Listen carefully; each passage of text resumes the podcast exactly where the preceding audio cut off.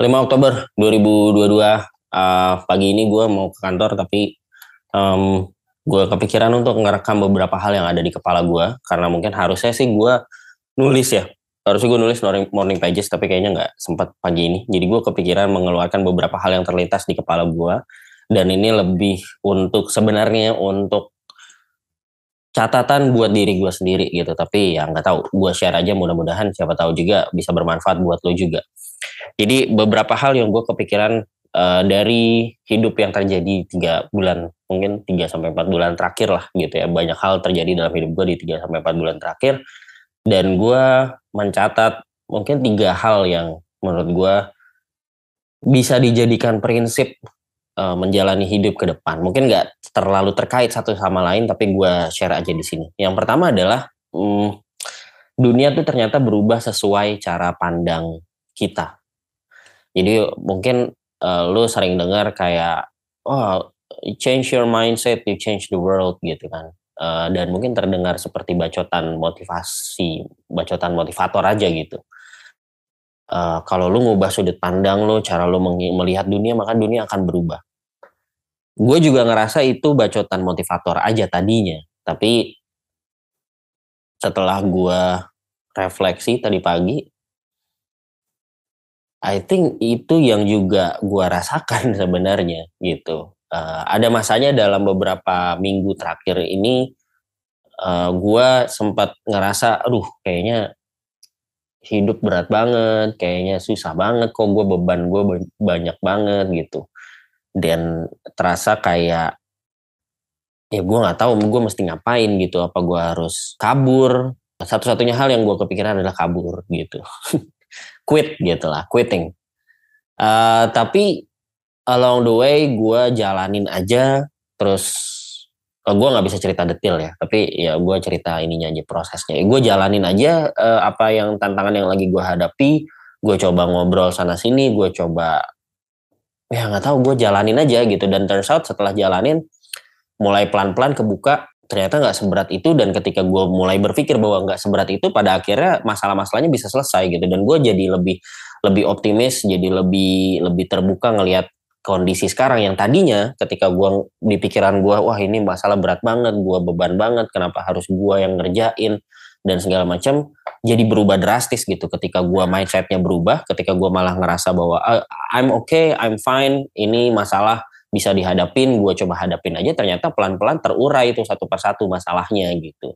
Nah itu yang tadi gue bilang, oh berarti memang dunia berubah sesuai sudut pandang kita gitu. Kalau kita mau merubah dunia atau pengen menghadapi dunia dengan lebih baik ya, mulai dari mindset gitu. It's not an easy thing. Gue ya, yakin lo juga mungkin kalau lo punya masalah yang sama, nggak mudah untuk ngerasa bahwa untuk mengubah mindset dari yang tadinya merasa sesuatu berat kemudian jadi ringan dan mungkin esensinya bukan di bawah itu ringan uh, sesuatu yang berat nggak mungkin tiba-tiba bisa jadi ringan tapi lebih kepada uh, cara pandang lo cara berpikir lo diubah gitu bahwa kalau lo berpikir ini beban ya selamanya itu akan jadi beban gitu. Tapi kalau misalnya lo berpikir bahwa ini adalah challenge tantangan yang bisa dihadapi susah tapi bisa ya mungkin pada akhirnya akan bisa dihadapi gitu.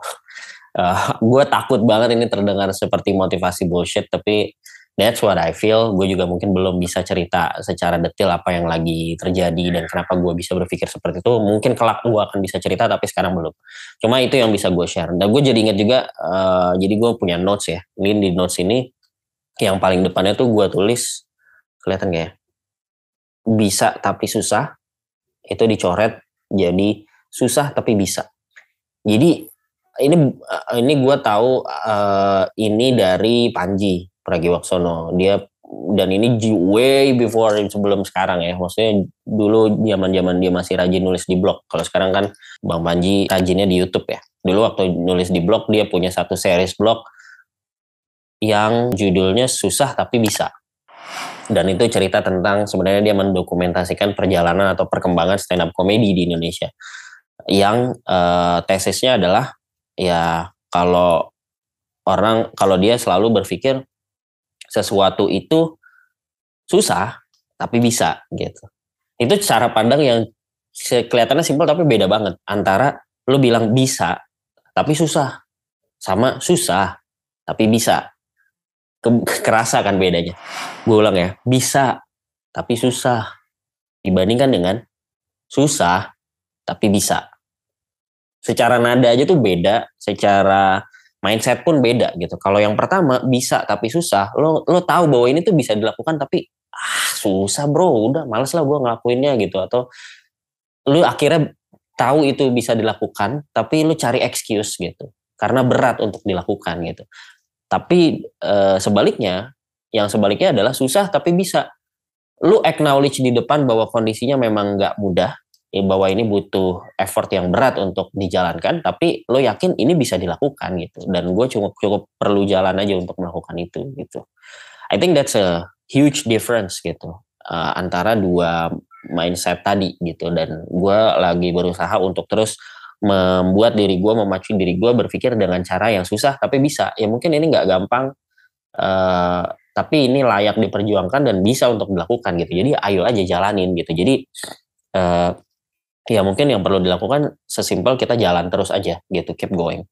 So that's one. Dunia berubah sesuai cara pandang kita. Yang kedua adalah uh, gue juga berpikir dari beberapa tahun ke belakangan gue menyadari bahwa dalam jangka panjang hidup itu akan lebih baik. Hidup itu akan progressing selalu lebih baik. Ini kemarin habis ngobrol juga sama apa teman-teman di kantor ya Timi Fikra uh, Timi nyebut long term optimist dan gue sebagai individu sebenarnya juga uh, selalu ngerasa gue orangnya optimis gitu. Gue selalu ngerasa sesuatu akan jadi lebih baik. Dan uh, tapi gue sadar bahwa ternyata dalam realitanya tidak selalu gitu. Dalam jangka pendek gitu terutama. Kalau gue gue sempat bikin postingan di Instagram nanti mungkin di video gue tampilin di sini yang gue bilang bahwa ya kalau kita mungkin berekspektasi hidup tuh naiknya uh, gini gitu. Maksudnya dari bawah naik secara uh, linear maupun secara eksponensial gitu. Pokoknya naik aja ke atas gitu. Padahal realitanya hidup itu naik turun, tapi nanti pas naik lebih tinggi dari yang sebelumnya, turun lagi, akan naik lagi lebih tinggi dari yang sebelumnya, turun lagi, naik lagi gitu. Jadi sebenarnya grafiknya pada akhirnya naik turun naik turun, tapi secara jangka panjang kalau lu lihat trennya dia naik terus gitu. Nah itu yang uh, mungkin kalau bahasanya tadi long term optimist gitu ya. Dalam jangka panjang lu selalu berpikir hidup akan lebih baik dan gue percaya itu gue percaya hidup dalam jangka panjang akan selalu lebih baik. Nah, tinggal uh, lu sadari juga bahwa ya dalam jangka pendek bisa jadi tidak kelihatan naik gitu. Mungkin terasanya naik turun gitu dan ketika naik turun itu bukan sesuatu yang menandakan bahwa hidup sedang turun, tapi uh, ya memang fasenya lagi turun tapi akan ada naiknya gitu. Kalau uh, eh, gue inget juga Mas Menteri waktu itu belum jadi menteri ya, dia masih jadi CEO Gojek. Kayaknya di suatu acara atau apa gitu.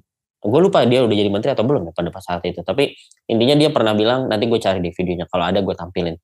Uh, dia pernah bilang kayak, uh, ya salah satu hal yang penting di dalam hidup, kayaknya waktu itu dia ceritanya dalam konteks bisnis ya, dalam menjalani bisnis, tapi gue rasa applicable juga dalam menjalani hidup adalah, lo tahu bahwa uh, nothing last forever gitu.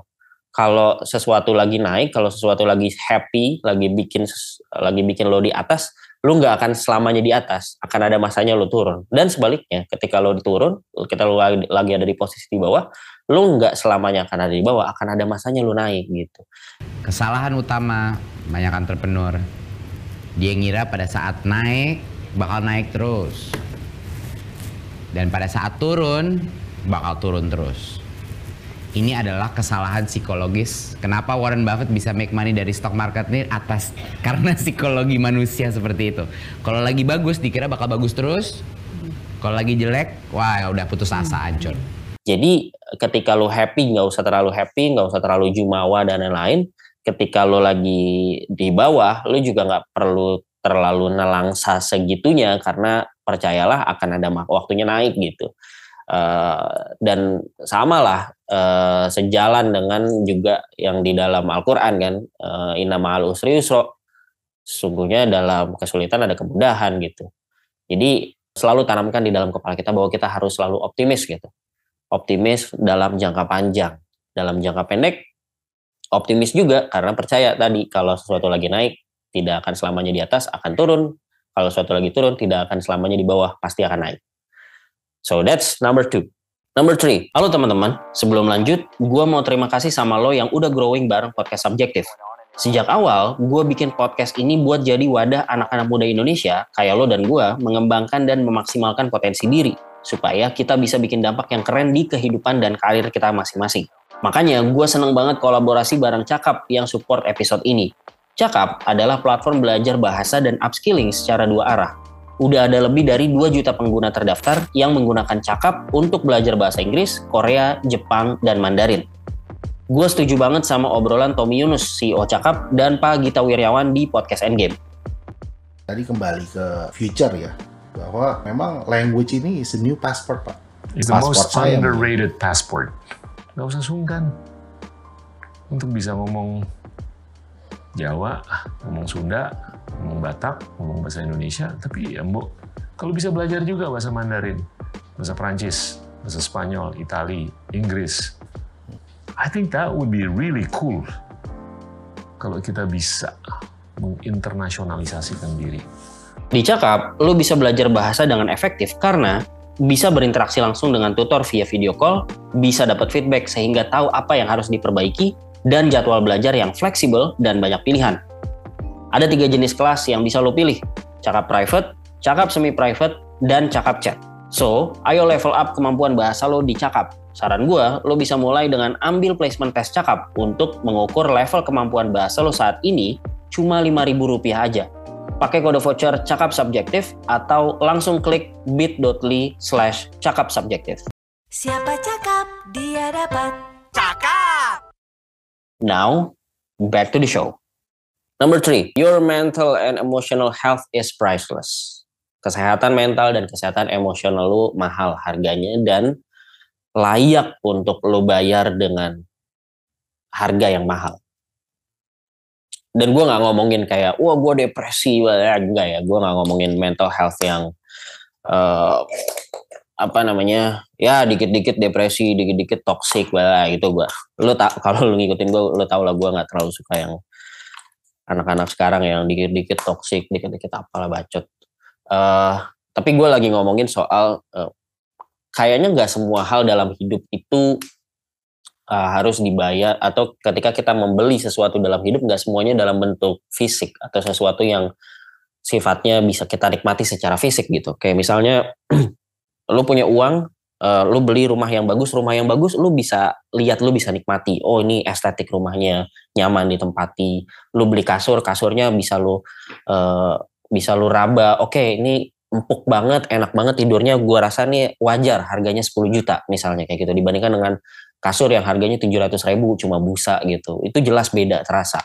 Sehingga mungkin lu akan lebih mudah untuk mengeluarkan uang pada hal-hal yang sifatnya fisik gitu.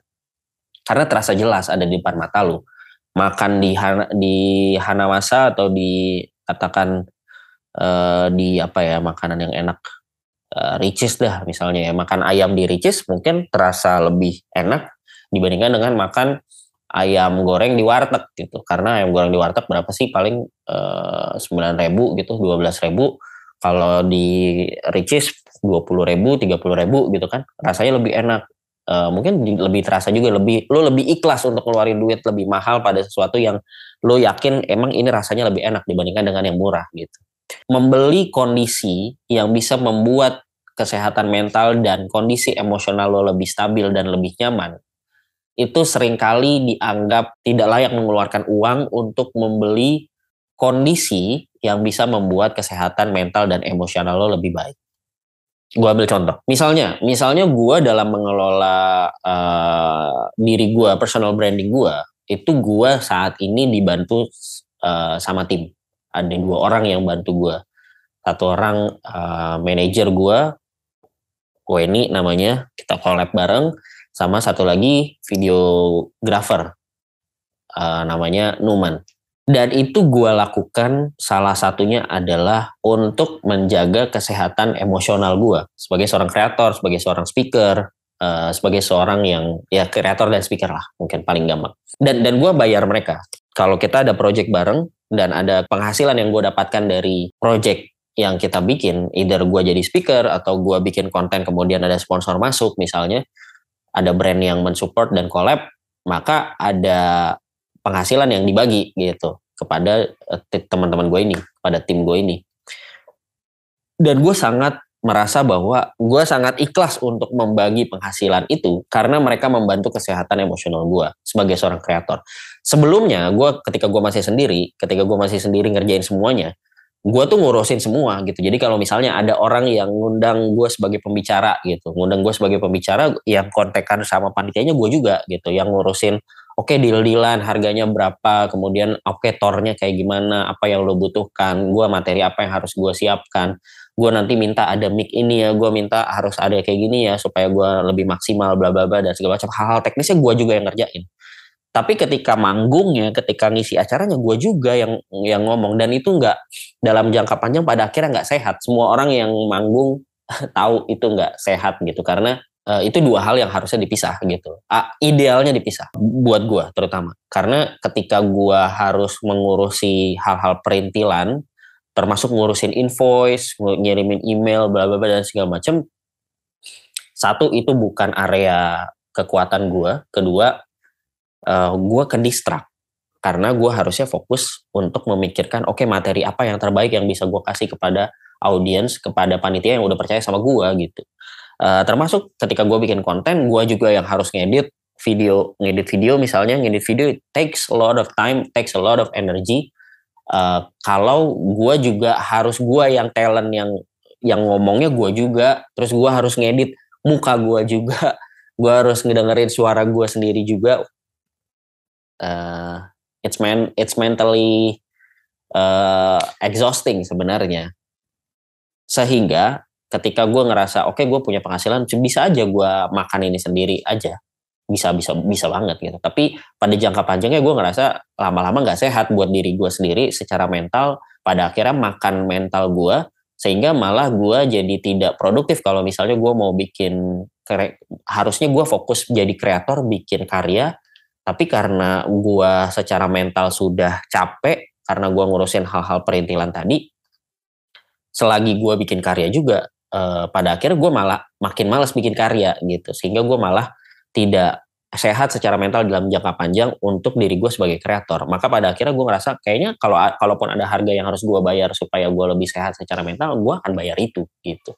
Nah poin gue balik lagi tadi adalah uh, I think lo juga perlu pikirin dalam hidup apa sih hal-hal yang bisa membuat kondisi mental lo lebih stabil dan ketika lo bisa lo lo ngerasa bahwa ada harga yang harus dibayar, menurut gue sangat worth it untuk lo pikirkan. Kalau memang ada harga yang harus lo bayar untuk kondisi itu, kayaknya gue nggak apa-apa untuk bayar.